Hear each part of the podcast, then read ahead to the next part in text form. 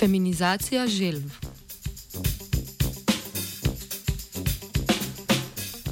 Mednarodna raziskovalna skupina je razvila manj invazivno metodo za določanje spola mladih želv in želvakov, o kateri poroča v Current Biology.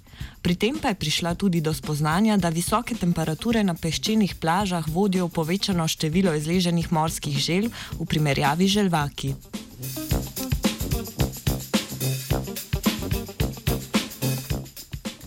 Znanstvenice in znanstveniki iz mednarodne raziskovalne skupine so skakali v morje na obalah Avstralije, da bi ulovili različno stare želve in jim določili spol.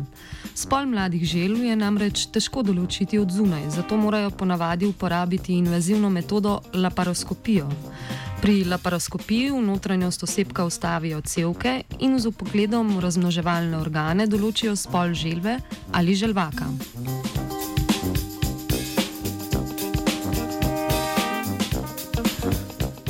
Tokrat pa so raziskali, ali bi lahko manj invazivno in hitreje določili spol želu s pomočjo hormonske analize. Pri hormonski analizi so raziskovalci in raziskovalke želvam vzeli vzorec krvi in analizirali raven testosterona. V raziskavi pa so manjšemu številu želv določili spol tudi z la laparoskopijo.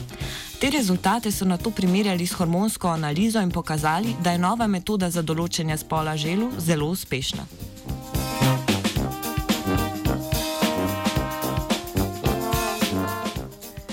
Poleg hormonskih analiz so v raziskavi izvedli še genetske analize.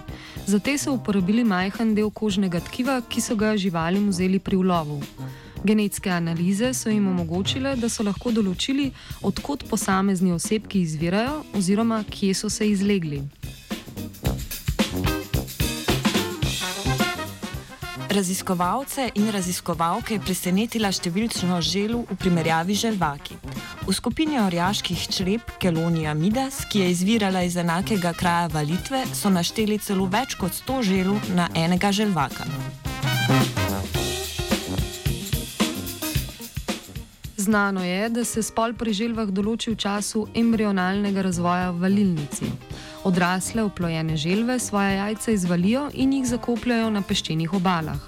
Od temperature okoliškega peska pa je odvisno, ali se bodo izvalile mlade želvice ali želvaki.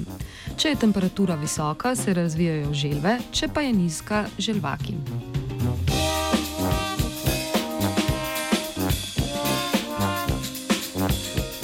Veliko število želv iz, sever, iz severnih populacij okoli velikega koralnega grebena v Avstraliji kaže na to, da se število želv v primerjavi z želvaki že vsaj 20 let povečuje.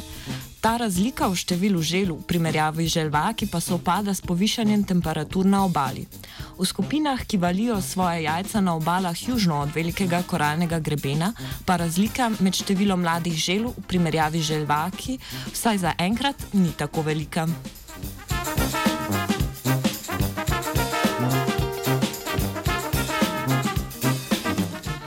Na občudovanje želv in želvakov tudi v prihodnosti upa Zarja. Three, two, one.